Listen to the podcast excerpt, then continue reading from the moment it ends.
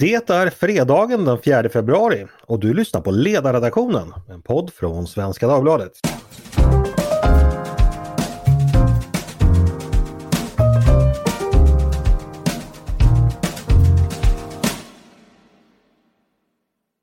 Varmt välkomna hörni! Jag heter Andreas Eriksson och ska vara er poddprogramledare denna fredag som är den första i februari 2022.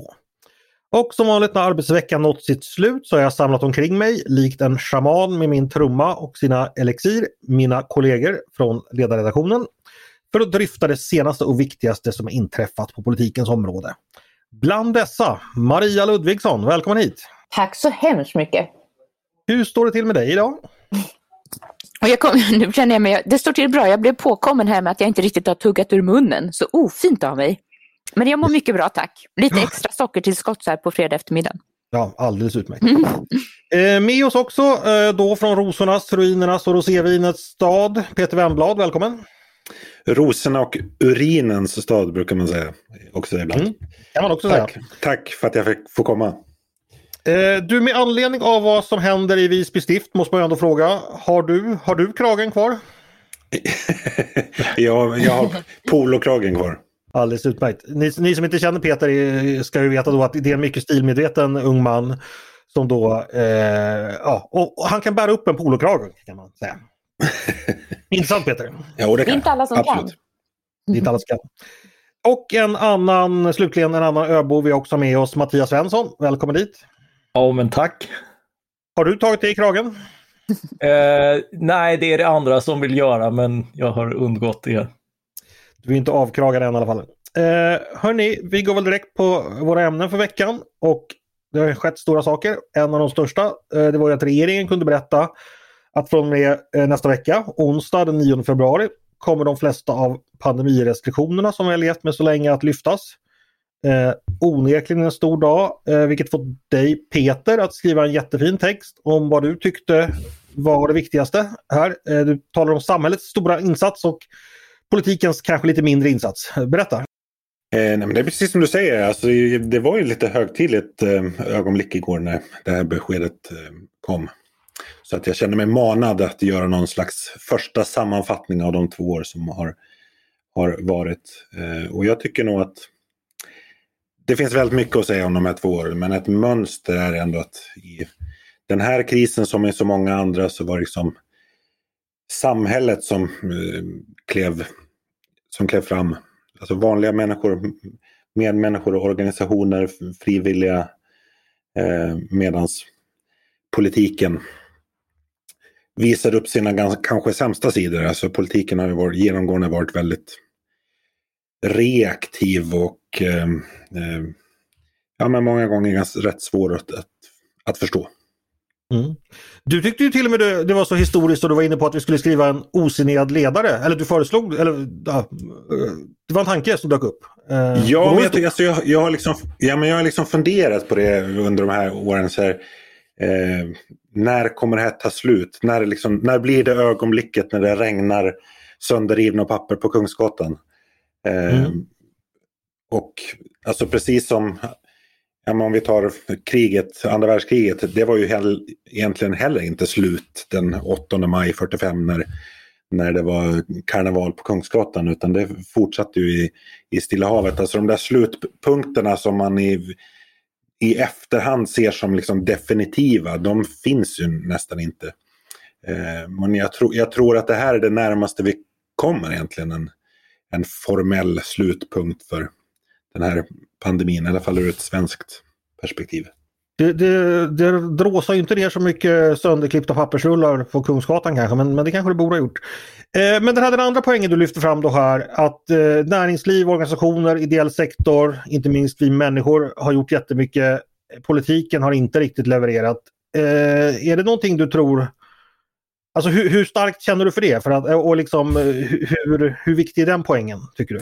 Ja, jag, jag, tror att jag tror att den poängen är giltig oavsett vad man tycker om Sveriges pandemihantering och hur vi liksom hur rent politiskt borde hanterat. Eh, oavsett om man är vad ska jag säga, lockdown-anhängare eller laissez-faire. Alltså att, eh, framförallt under första året, första halvåret av, av pandemin så var ju tycker jag att det, det är ett misslyckande av politiken att man gömde sig bakom myndigheterna. Det var ju väldigt tydligt. Alltså, det var, fanns liksom ingen som klev fram och representerade helheten som liksom stod upp för de avvägningar och, eh, som förhoppningsvis gjordes. Ibland blir man ju osäker på om det verkligen gjordes några avvägningar om det var, eller om det var Folkhälsomyndighetens ord som gällde och det tycker jag att ur ett vad ska jag säga, rent politiskt hantverksperspektiv så var det eh, dåligt utförande. Mm. Men om vi ska ta då, du nämnde den första punkten här. I början så gömde man sig bakom expertmyndigheten. Det var mm. den första stora politiska missen. Vilka är det som kommer sen ifall du ja, håller dig till de, de, stora grejerna? Ja, men man ska, och då blir det ju mer vad ska jag säga, min uppfattning. Men ja. min uppfattning är ju om man ska göra en lite grov indelning. Första året för lite och för sent. Andra året för mycket och för ogenomtänkt. Mm. Eh, ja, men jag tror att alla känner igen sig i den bilden under, under, under första året.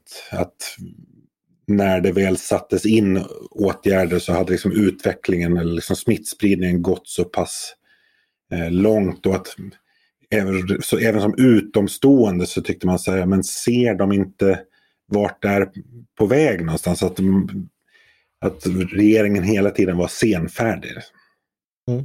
Eh, Mia, är du lika kritisk som Peter mot, eh, ja vi jobbar ju som regeringskritiker professionellt men eh, om vi liksom eh, mm. försöker tänka efter, är du lika ja. missbelåten med politikerna? Ja, av, av samma skäl eller av andra skäl? Eller hur av tänker du? samma skäl men också, jag kommer ihåg i början där, dels det här att, att de eh, gömde sig bakom myndigheterna. Jag kommer ihåg att i början så jämförde jag med mina goda vänner hur de hade det i Norge. Mm. Och de sa de syns det var så rart för vår statsminister syntes aldrig. De hade ju alltid Erna Solberg som var den som var ute och berättade även om vad myndigheterna hade beslutat. Eh, och, och gav då också en pondus till budskapet. Den var också, där talade de, vet jag, med varandra mycket mer om att vill du vara den som för smittan vidare? Så det fanns mm. ett helt annat perspektiv än hos oss. Och det är också lite typiskt svenskt att vi väntar på att någon ska säga till oss vad vi ska göra, därför att vi är så vana vid att överheten berättar hur mycket kött vi ska äta i veckan och många brödskivor och så vidare. Men just, fast just den delen eh, håller jag faktiskt inte riktigt med om. Eh, för det har, ju, det har ju pratats mycket om så här, ja, men gjorde politiken för mycket för lite, eller för lite under det här första året. Men så här, oavsett vad man tycker att politiken borde ha gjort så var det ju ändå så att Sveriges en stor del av Sveriges befolkning på egen hand i praktiken genomförde en lockdown. Alltså vi, i, under mm. de första veckorna så gick ju liksom människor längre än vad politiken sa att liksom rådde oss att, att göra. Det var ju helt öde på gatorna.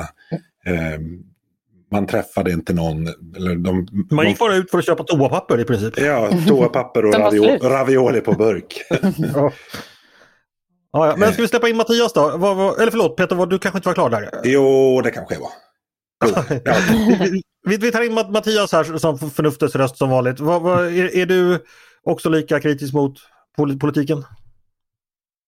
Ja, alltså det var ju ett par eh, punkter som, som, vi har gått igenom nu, alltså handfallenheten när, när smittan kom, eh, alltså de smått lögnaktiga påståenden som försenade införandet av, av, av skydd och visir i, i äldreomsorg och så vidare. Förmodligen för att det helt enkelt inte fanns, vilket ju delvis var en beredskapsfråga där vi, där vi var sämre rustade än grannländer. Eh, men eh, eh, och, och sen också förstås liksom att, att, att man kanske i äldreomsorgen kommit in i ett triagetänkande som, som kan ha kostat liv. Så det där, det där återstår ju att titta på, det, det, det kommer att leva, eh, leva med oss, den typen av, av lärdomar. Men eh, samtidigt är jag glad att, att vi levde i ett land som inte valde den här totala ja. lockdownen och sånt där. Liksom. Det var, eh, ju, ju längre ju längre tiden har gått, ju mer har ju talat för, eh, för, för det perspektivet. Utan, mm. utan det var ju snarare liksom att, att vara proaktiv med, det, med liksom vård och skydds och smittspårningsinsatser som, som det har handlat om Eh, snarare än, än att liksom stänga ner hela samhället för att demonstrera någon form av handlingskraft. Mm. Eh, men framförallt så tycker alltså, jag har varit lite orolig här apropå det senare Peter eh, var, var inne på att det nu blev en vana vid eh, restriktioner och sådär och, och, och, en större roll för staten och det var ju liksom en massa eh, akademiker, inte minst i Storbritannien, som liksom kom i byxorna över det här liksom smörgåsbordet av, av makt. Mm. Eh, som dukades upp och nu, nu, nu är festen slut eh, och, och det är ett styrkebesked om något att, att vi faktiskt förvisso för sent men ändå liksom kan avhända oss det här. För det finns fortfarande en smittspridning, det finns risker. Eh, men alla risker, det handlar inte i ett samhälle om att riskminimera till varje pris, framförallt Nej. inte till, till priset av, av mm. rättigheter och ett välfungerande samhälle. Mm. Det var ju, och den insikten tycker jag är viktig. För det blev ju också en del av debatten under en period och det var en ganska sund debatt eller diskussion oavsett om vi hade pandemi eller inte. Det här när man pratade om alltså, värdet av det öppna samhället och hur mycket kan man egentligen från politiskt håll eh, styra. Och hur mycket, hur mycket mer makt ska parlamentet få? Det var ju redan första halvåret som man började diskutera de sakerna. Det var ganska sunt att vi diskuterade det seriöst. Mm. Men en, en, annan sak som slår mig just idag, det är den här Ratata-låten, kommer ni ihåg den? Jag är glad att det är över. Mm. Oh ja. Det är jag också. Eh, nej men det är ju så som ni säger att eh, just kristider brukar ju vara, vara fest för människor som då vill gå in med sina speciella förslag. Alltså det är ju, ett, det är ju liksom ett beslutsfönster eller man ska säga, eller ett window of opportunity för alla typer av policyentreprenörer som vill ta in sina restriktioner. Och så, ja, det går ju vi har ju nämnt andra världskriget här, var det väldigt många restriktioner infördes som vi fortfarande har kvar i vissa ja, i viss mån. Så, att, så att det är ju liksom, det är en buffé, så att om, mm. kan man duka bort det buffébordet fort, väldigt fort ja. då, så, så är det ju väldigt tacksamt. Jag, jag, tror aldrig jag blir så konservativ som under just i krislägen, för det är då folk vill ha snabba förändringar och det är då jag tror man kan sitta stilla i båten. Inte alltid kanske, men, men, men eh, bara en allmän reflektion. Eh, nu vet vi ju, ta i trä, vi vet ju inte om det här är över än, men har det inte gått ganska bra pandemin, liksom hur, hur samhället har utvecklats, hur vi har svarat. Och det, inte minst det Peter säger, hur liksom civilsamhället, näringslivet och vanliga människor har förmått att anpassa sig. Är inte det någonting att vara ganska glad och stolt över? Allt utom politiken har lyckats väl, men sen får man ju titta på dödssiffrorna också och se ja, med klart. tiden på överdödlighet. Det. Men om vi bortser från det så är det väl mm, just i det som, är, som vi kallar samhället, som då är civilsamhället och företagsamheten och de som så snabbt kunde växla om. Det var eh, företagare som helt plötsligt gjorde om sin, det var någon som hade spritfabrik och som gjorde om det till handspritfabrik och sådär. Just det här, mm. Och det kom av sig självt för att det behövdes, för att människor ville förändra, inte för att politiken sa till att nu måste ni göra det. Ja, och sen också liksom att hela världsekonomin har ju rullat på de globala distributionskedjorna. Vi har fått in vår papaya till Max i varje... Alltså det, allt sånt där har ju liksom bara fortsatt rulla på. Jag är ganska imponerad och ganska eh, ödmjuk inför att, alltså givet vad ja. som skulle kunna ha hänt. Absolut. absolut. Eh, hela liksom, det är verkligen eh, hunden som inte skällde, allt som har fungerat. Mm. Uh, och, och det är mycket, mycket av politiken också. Alltså vården har ju fungerat och fått liksom fria händer att, att göra om väldigt mycket så att, så att man liksom har gjort en enorm kapacitetsanpassning.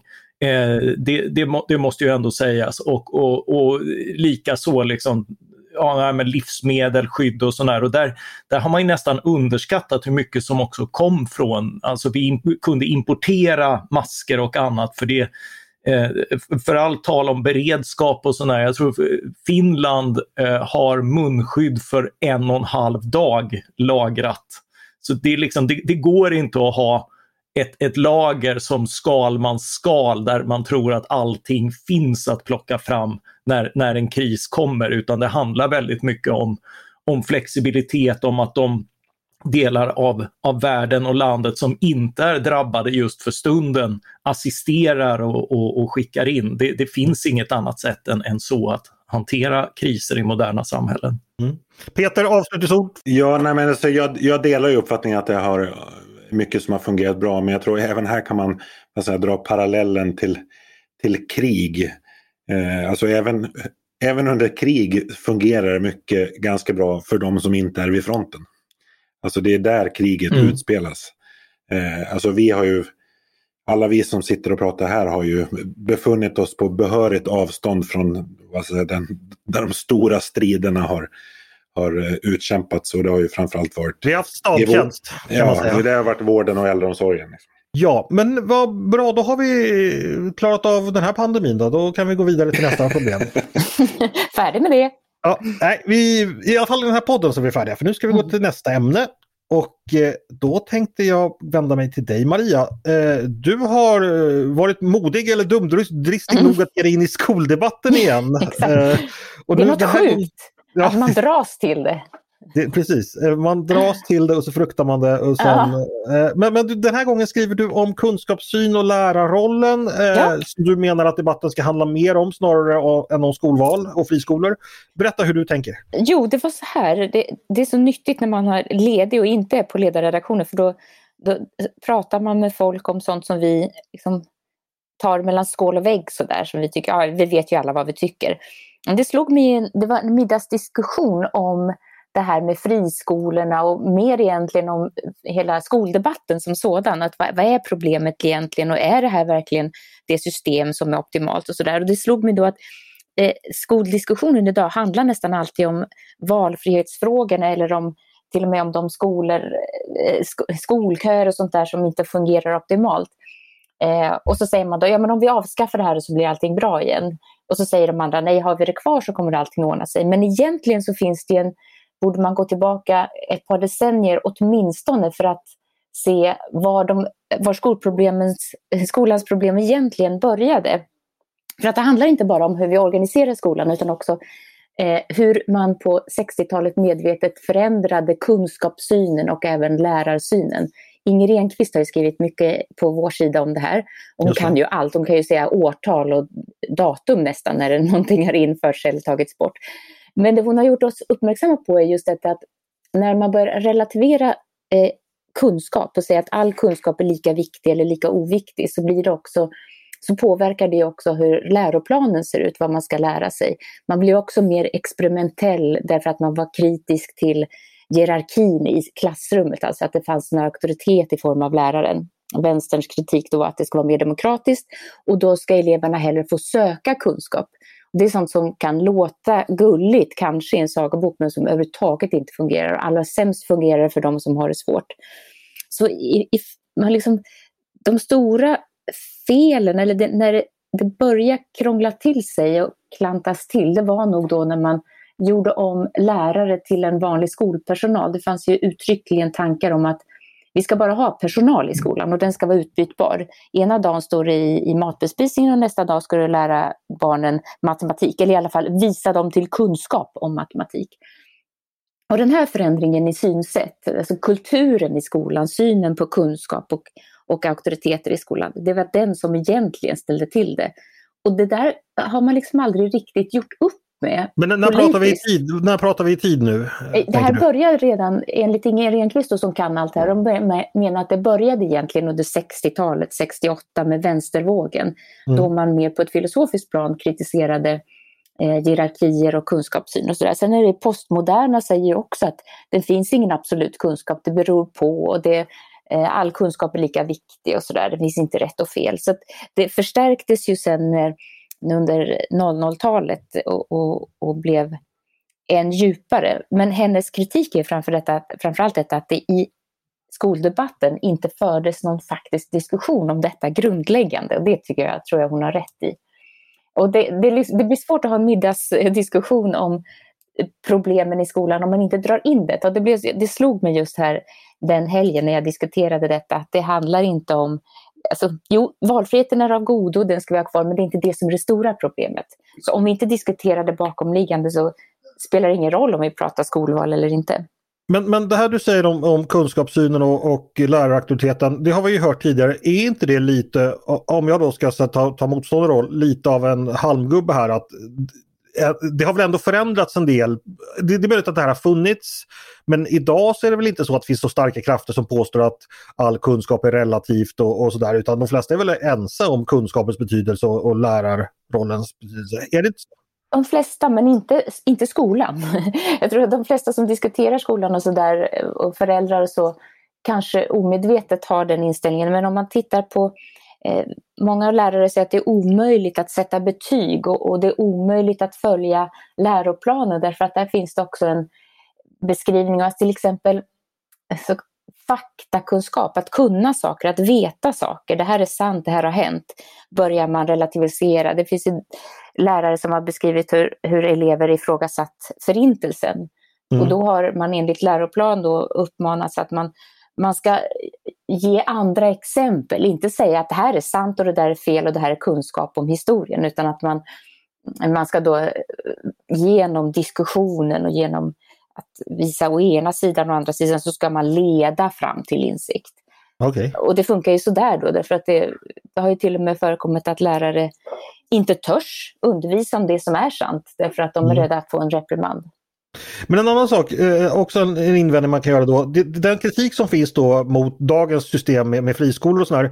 De menar ju då att det systemet underminerar både också kunskapssyn och läraraktivitet eh, det förstnämnda då genom att trendig men egentligen ganska osaklig och virrig pedagogik som kostar så lite som möjligt blir populär och läraraktiviteten undermineras av att eh, elever och även föräldrar uppfattar sig som kunder hos en skola som ska leverera mm. ett visst resultat. Eh, hur, vad tänker du om den kritiken? Jag, jag, tror inte det är riktigt så. De skolor som är mest populära av, av friskolorna, alltså inte stiftelseskolorna, gamla finskolorna, utan det som är Eh, ute i landet populära friskolor, det är ju de som verkligen pratar om kunskap som någonting absolut och någonting viktigt och även ordning, eh, tyst på lektionerna, eleverna ska kunna vara trygga för de vet precis vad som väntas av dem, man har uppföljning, man har betyg. Alltså ganska traditionella skolsystem som, som både föräldrar och elever söker sig till, snarare det än att de går på det, på det lättvindiga och det som. Och sen vad var det andra du sa om, om att det är lite eh, Alltså läraraktiviteten undermineras ja, av att man har en kundrelation. Ja, precis. För att föräldrar kommer och beställer, ni, har, ni skäller ut en lärare för att de har fått, deras barn har fått för dåliga betyg. Ja, eller att man tror, ringer rektorn och så blir ja, ja, precis. Jag tror inte att det där, det kan ju förstärkas möjligen av en kund roll. Men framförallt, det, det startade också med att läraren inte längre var den som kanske ens kan mest i klassrummet. Även lärarutbildningen har ju förändrats under åren. Eh, men också vår, alltså samhället och, och, föräldrars syn på skolan, att den ska leverera saker. Och det ändrades ju i och med att den inte längre var inte ens var läraren auktoritet gentemot föräldrarna, utan föräldrarna kunde komma dit och bestämma i klassrummet vad ska man säga, en totalitär demokratisering. Alltså man ska kunna, nästan kunna vara med och rösta om vilka elever, vilket betyg ens barn ska ha i skolan. Mm. Jag, jag, tror att allting detta är en större fråga än bara en fråga om friskolor och, och valfrihet. Valfrihet tror jag är av godo, för man kan få tacka nej. Man kan säga nej tack, jag vill inte vara här längre. Och den styrkan hos eh, både barn och föräldrar är stark och viktig. Ja, den ska naturligtvis inte underskattas. Eh, Peter, gammal skolpolitiker i ett tidigare liv. Eh, håller du med Mia om att det är lärarrollens eh, försvagning och en relativistisk kunskapssyn som är urproblemen till skolans problem? Uh, urproblem vet jag inte, men jo, men jag delar till viss del den uppfattningen. Sen är ju så här, auktoritet är ju lite som, som led, att vara ledare. Det är liksom ingenting som man man kan tilldelas utan det är någonting man, man har. Eh, eller liksom, som man själv skaffar sig. Eh, och jag tror att en del i lärarnas förlorade auktoritet, det handlar ju om att här, kvaliteten på lärare har sjunkit. Alltså att en genomsnittlig lärare idag har det finns färre lärare med liksom ämnesexpertis, alltså allt det här som ger en, en lärare självförtroende att vara en auktoritet i, i klassrummet. Mm. Och sen har ju liksom den auktoriteten då också försvagats rent liksom institutionellt och organisatoriskt på, eh, på olika sätt. Men jag tror att den där grundläggande auktoriteten som bygger på expertis och självförtroende, den är ju väldigt svår att komma åt på politisk väg. Mm. Ja, det, den är också sån där, den kom ju också av, man till exempel man tog bort adjunkter i högstadiet, det här att du skulle kunna, genom att studera vidare så blev du en lärare som fick större ansvar, större utrymmen. Eh, överhuvudtaget att ha kunskapsfokus även på lärarhögskolan. förändrades då någon gång. Och det är klart att det märks sen i klassrummet. Mm. Och det, det, finns också, om, du, om läraren ska vara din hjälpreda som leder dig fram till kunskapen och inte den som säger att det här är sant och det här är falskt och det här är rätt och det här är fel. Då, då blir det den sortens lärare vi får. Mm. Jag har en väldigt privat teori om eh, vad som hänt med skolan som är egentligen bara rent strukturell och den, den har att göra med att vilka som rekryteras till lärare, den utgår från min egen familjehistoria. Eh, min mamma var lärare och tillhörde, kom då från begåvningsreserven, det vill säga den som fanns inom arbetarklassen förr. Eh, där hon då, eh, hon gick ut, tog studenten på 60-talet med stora an. idag, hon borde väl egentligen liksom ha sökt Handelshögskolan eller läkarlinjen och så där, men hon hade inte riktigt det självförtroendet utan det man siktade högst på det var att bli lärare. Så på det sättet kunde, in på 60-talet kunde lärarrollen fyllas av väldigt, väldigt mycket duktiga och begåvade personer som sedan gjorde starka karriärer och så gick de i pension någon gång eh, ja, i början på 00-talet och ersattes inte med riktigt samma kompetens för att lärarrekryteringen idag ser annorlunda ut. Vad tror ni om den teorin? Mm, det ligger mycket i det. Lärarutbildningen är annorlunda idag också. Ja, men det också. Men, men, men just det liksom att man fick in annat folk på den tiden för att... Ja, det är ju en, det är en variant på, på det som, eh, som jag beskrev. Eh, alltså det där generationsskiftet mm. har ju varit problematiskt. Och jag känner ju också igen mig. Jag, jag är som alla andra eh, som jobbar med politik, lärarbarn. Eh, men jag, jag mm. känner igen mig. Är vi många alltså? Mm. Eh, jo men det, det, det borde kanske någon göra någon större forskning. Det kanske finns fors, beforskat någonstans, det får vi kolla mm. på. Ulf Kristersson men... brukar ju prata om sin mamma som var den första i släkten att ta studenten. Ja, just det. Eh, men en fråga här, den här kritiken som kommer eh, eh, när det gäller då den klassiska friskolekritiken att den liksom skapar ojämlikhet, att den skapar problem för kommunerna för den friskolorna tar då ett visst elevsegment och lämnar andra kvar vilket då snedvrider hur, hur skolorna fungerar och sånt där. Är det, liksom, är det mindre problem vid sidan av det, här, det, du, det, det du beskriver Mia, om man liksom ska göra en total analys av skolan? ja, det, jag tror det är ett ett mindre problem därför att det är enklare att åtgärda än att förändra kunskapssynen och, och liksom göra, eh, ge läraryrket status igen. Man, man, har ju sagt att nu ska det bli svårare att komma in på lärarhögskolan därför att då får vi bättre folk dit. Men det är ingen som söker dit, det är ingen som vill vara lärare därför att det har inte status och det verkar inte särskilt trevligt att jobba på, ha en arbetsplats där man blir påpucklad av eleverna som man är tänkt att undervisa för.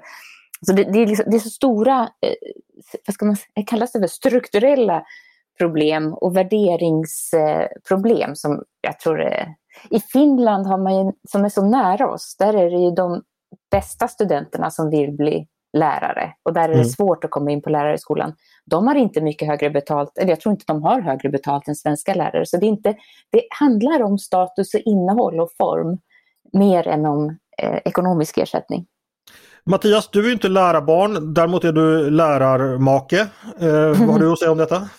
Ja, alltså jag känner inte riktigt igen mig i den här bilden därför att eh, lönerna har ju definitivt börjat röra på sig eh, mm, i, i läraryrket. Eh, sen, sen, finns det ju, kommunerna har ju inte världens bästa lönesättningsmodell utan de, de betalar ju mer till nyrekryteringar än, än, än eh, har, har liksom en sund lönetrappa. Men, men det, det är ju en annan. Eh, så, och på det sättet, och samtidigt, vi har nu i, i ja, liksom eh, Björklund är snart tio år sedan, ja, det är tio år sedan, eh, och, och liksom har pratat om lärarens roll och sånt där. Det är klart att det har, det har påverkat också. Så, så jag, jag tror vi har lämnat de här eh, riktiga hopp och skuttåren eh, bakom oss. Eh, och, eh, och jag tror inte att, att, att man ska måla eh, måla läraryrket allt, allt för svart heller. Eh, mm. och, och sen också, jag menar, konkurrensen mellan olika arbetsplatser driver upp löner. Det har hänt med, med sjuksköterskor när de har fått mer att välja på. Det har hänt med, med lärare när, när de har fått mer att välja på. Så mm. Så, så, på det sättet så, så har ju också eh, konkurrensen på ett sätt funkat, funkat mm. som den ska.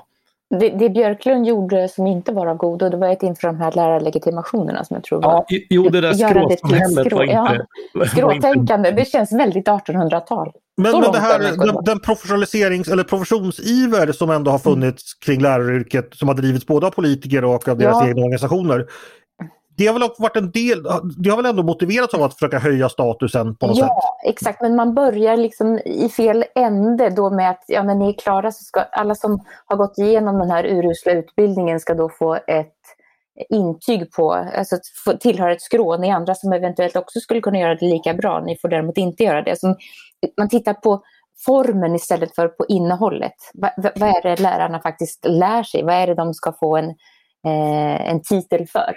Mm. Vi får ta och lämna skolan eh, där tillfälligtvis. Vi kommer naturligtvis att återkomma. Eh, och vi tar inte... vår Mats ur skolan. det gör vi. Där presenterar han sig själv, eh, Mattias, då, som ska eh, ta nästa ämne då. Eh, vi ska nämligen gå över till Vänsterpartiet som ska ha sina partidagar i helgen. Eh, och Mattias, du har ju studerat läget där lite närmare och nu är vi ju väldigt nyfikna på vad oberoende moderata Svenska Dagbladet ska ha att säga om Vänsterpartiets kongressande. Berätta!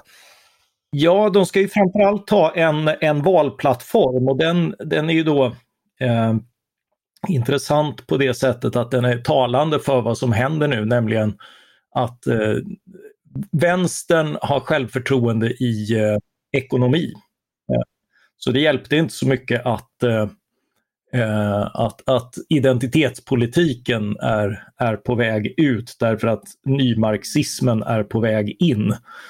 Eh, ja, ja. Ur askan i elden. Ja, jo men lite, lite grann så och det tror jag att eh, där, där har vi liksom det problemet att, att mycket av det de förespråkar eh, är ju så länge sedan vi gjorde oss kvitt med, inte bara genom kommunismens fall utan också liksom med med, med liksom en massa statliga inslag som vi avskaffade i Sverige. Så, så vad som återkommer i den här plattformen det är då alltså dels en, en syn på ekonomi där liksom staten verkligen kan göra allt. Eh, det, det är liksom det finns ingen hejd på de löften. Den, den som liksom lägger sin tillit till staten kommer, kommer att bli rikligen belönad. Liksom. Det, allt från liksom billiga bostäder till matbutiker i landsbygd och högre löner, högre pensioner, eh, högre sjukersättningar. Allt ska staten ordna. Eh, och, och framtidstro. Och det är lite grann en, en teori, när, när de pratar om klimatomställning så ska den ledas av staten så att alla tjänar på den inklusive företagen. Eh, mm. och, och, och, det är liksom, det där, det är besvärjelser. Det, det liksom... Men kan man, kan, man, kan man sammanfatta så här att de förespråkar inte längre liksom att det ska vara som Sovjet på 70-talet men däremot Sverige på 70-talet? Är det någon sorts... Ja, jo men någonting ditåt och det är ju liksom, det funkar ju därför att, eh, därför att det finns så många väljargrupper nu som inte kommer ihåg hur det var. Mm. Att, att liksom det fanns en anledning, det här med att subventionera fram byggande. Jo, men då får du byggande där staten tycker att folk ska sysselsättas eller där staten tycker folk ska bo. Och vi, vi hade ju en stor apparat med det och då subventionerade man lägenhetsbyggen där folk inte ville bo och sen fick man subventionera igen för att de skulle rivas därför att hålla de kommunala hyrorna uppe därför att i slutändan så kommer solidariteten i kollektivistiska system alltid vara med den kollektiva plånboken snarare än med den individuella. Mm. Så det är en aspekt, liksom den här Nå någon skulle kanske säga att det här är liksom den här moderna penningpolitiken där liksom staten kan spendera så länge de inte får slut på valuta och det vet vi ju från Venezuela och andra att det får de inte men däremot, däremot kan köpkraften ta stryk. Mm. Eh, men Eh, men det är ju liksom, man kallar allting för investering. Det här är ju en teori om att man borde investera mer från statligt sätt, men, men det har man ju löst på vänsterhåll genom att kalla all, alla utgifter för investering och det, det funkar ju inte riktigt. Sen eh, den, den andra aspekten är då att man, man har en marxistisk historieskrivning. Marx nämns ju inte men det är liksom verkligen det här att det är arbetarna som bygger landet och det är bara de som gör, producerar det riktiga värdet och alla chefer och sånt där är, är liksom eh, bara överflöd och sånt där. Och då, då har man pandemin som exempel på det. Liksom, att ja, det var sjuksköterskor och, och, och, lärare och butikspersonal och chaufförer som gick till jobbet och, och höll Sverige flytande. Och de har ju de har ju en poäng i det. Att liksom det, det var vissa grupper som behövde göra större umbäranden än andra.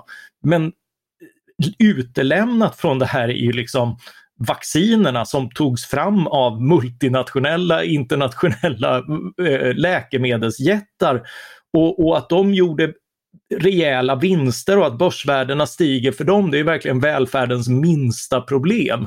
Eh, så, så det är liksom den här retuscherade, tillrättalagda historien för att stryka en grupp medhårs som, som bjuds i det här programmet. Och då kommer vi till punkt tre och det är då att att, att liksom, de måste ju ha en förklaring till att det här paradiset som Sverige beskrivs som. En gång var Sverige lett av staten, mm. jämlikt och sen förstördes det. Eh, och det är liksom deras version av liksom det, det raserade samhället på grund av politiken. Och här vill de ju appellera till, till liksom grupper som förmodligen liksom de tänker sig är, är Sverigedemokrater. Att om, om de kan fås att, att ogilla rika människor istället för invandring eh, och, och se allting som sjuklöverns svek, fast i det här fallet för att de trodde för mycket på marknadsekonomi, då kan man vinna dem. Mm.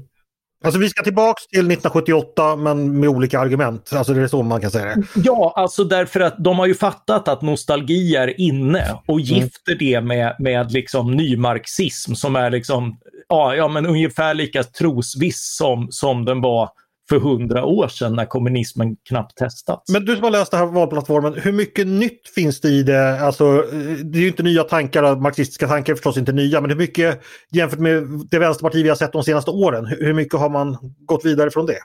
Jo men det är ju nytt på det sättet att, att liksom eh, program fram tills nyligen har varit präglat av kommunismens fall. Att man har velat signalera en medvetenhet om om liksom att, eh, att vi vill inte till diktaturen, vi vill inte till planekonomin, vi vill inte till Sovjet.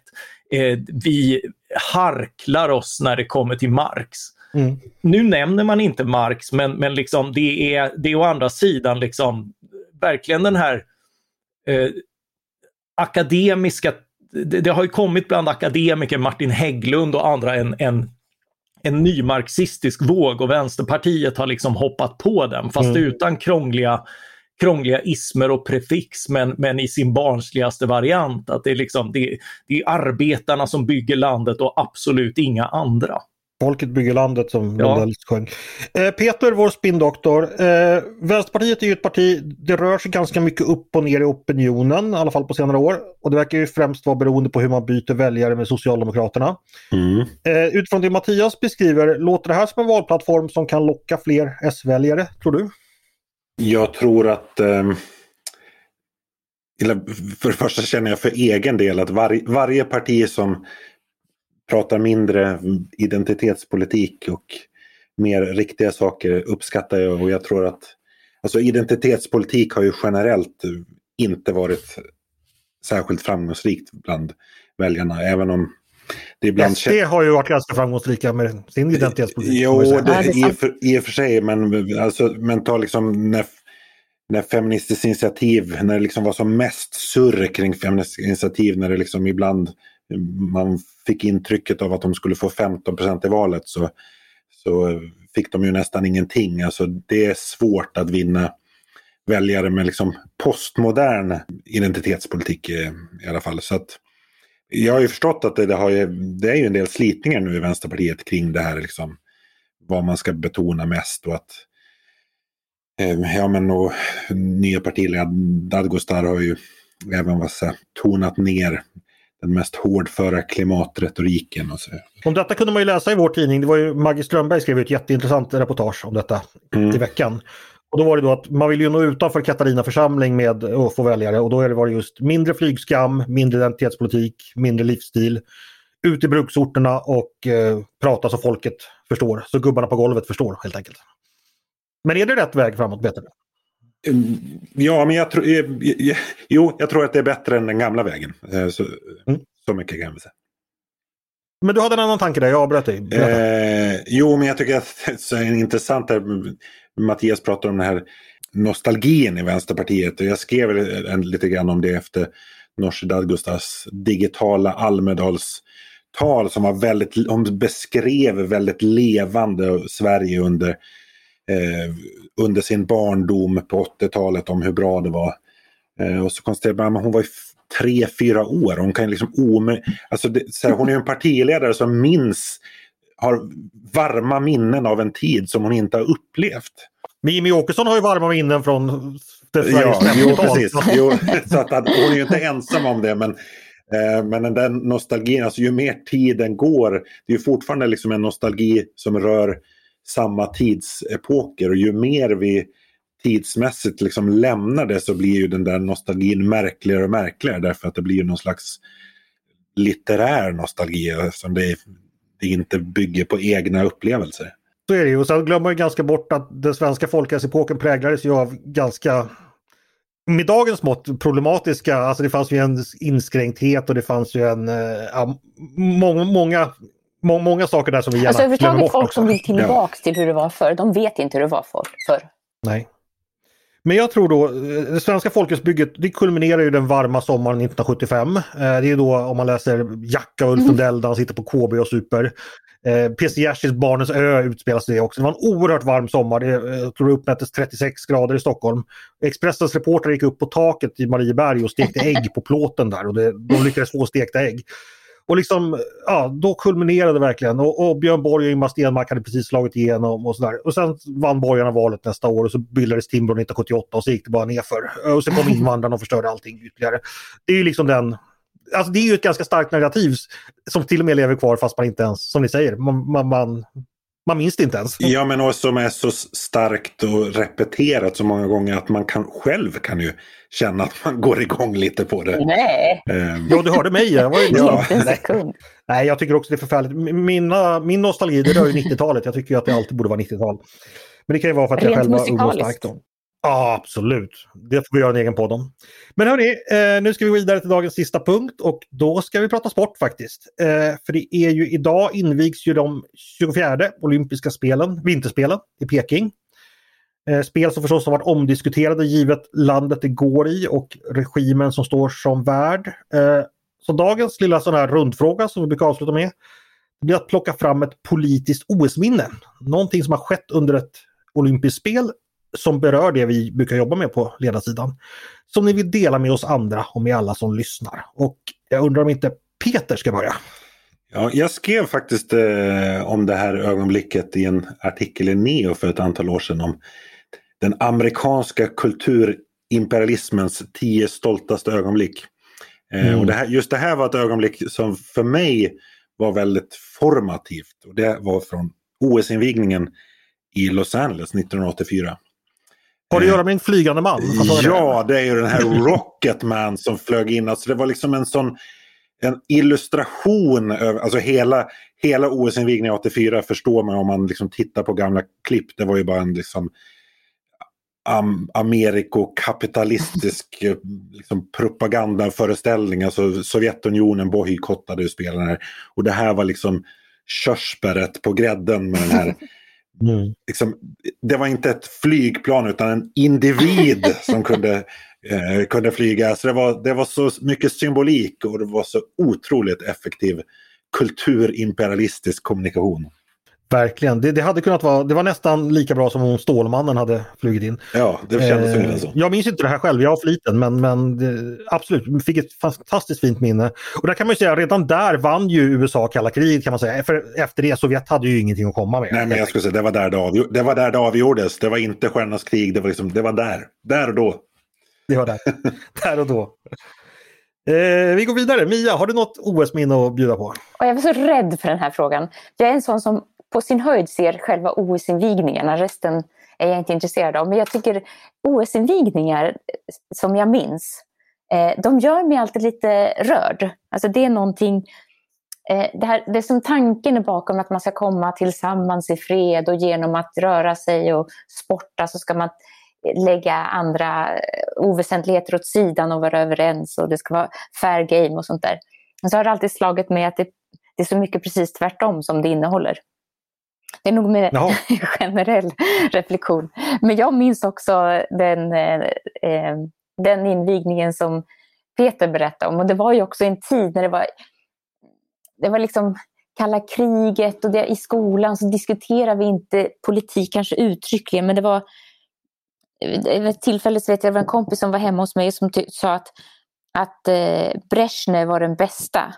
Och då sa jag nej det är Reagan och nu får du gå hem och leka. Så det var ju det. det var ja. ja, jag förstår. Ja. Ja, det, det var ju ett minne också ja. väl värt att föra vidare. Ja. Brezhnev är den bästa, ja. nej det är Reagan. Då får man gå hem och leka. Det, det, det sammanfattar mycket av 1900-talets historia. Mattias, du då, vad har du för OS-minne? Eh, ja, jag tänkte störa er genom att diskutera identitetspolitik. Jag tänkte på Ludmilla Engqvist och hennes eh, OS-guld som eh, förenade eh, oss 1996 i nationell yra och hon fick bragdmedalj och annat. Och det var intressant med tanke på att hon liksom inte var född och uppvuxen här men, men togs till svenskarnas hjärta under, under en period av framgångar. Men sen ganska snabbt liksom försvunnit ur vårt kollektiva minne efter att hon avslöjades med att ha dopat mm. sig när hon försökte göra en andra karriär inom rådel. Eh, och då blev hon plötsligt den där ryskan. Mm.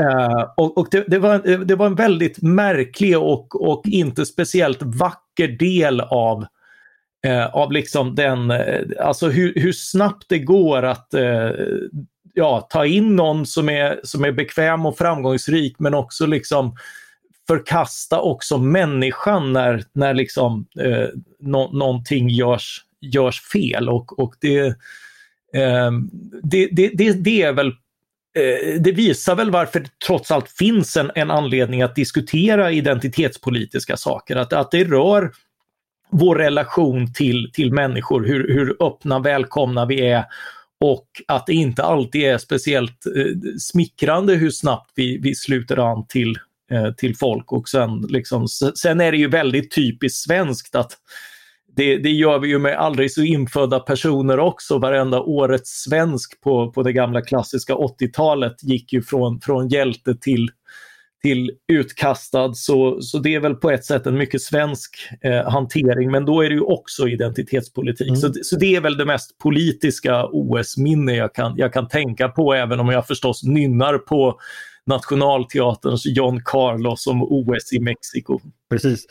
Eh, och sen han, de mötte honom i München 72 så hade han en liten panter på sin tröja, trodde han då, men det var det inte. Det är utan ingen det var... panter, det är en puma. Precis, för han jobbade för, för Puma då. Eh, Ludmila Engqvist är ju väldigt intressant det du säger. Det är också exempel på den här eh, delvis problematiska svenskheten där man ibland då kan, så att säga, om, om man är rätt kan man snabbt lyftas in i en svenskhet. Liksom skrivas in i en svensk tradition. Eh, Ludmila Engqvist, som jag uppfattade då, tyckte det var väldigt roligt, kändes väldigt välkomnad men sen så gick det åt andra hållet. Jag minns till och med att man, det var några journalister som var inne på att man på den här tiden så döpte vi våra kvinnliga idrottsstjärnor efter Pillan och Billan och sånt där.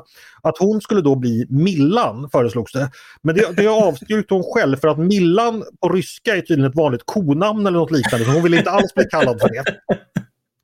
Eh, men ja, i alla fall exempel på hur man då konstruerar svenskhet genom att ge, ge folk vissa namn.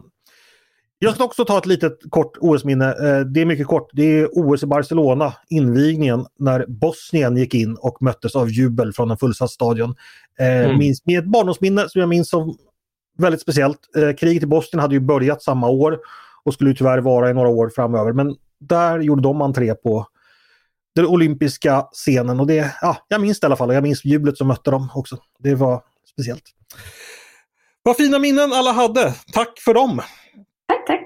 Och, Varsågod, eh, tack själv. Tack, tack, tack, för idag, ska sägas också, eh, för den här fredagspanelen. Mycket intressanta åsikter och tankar. Tack Peter! Tack själv!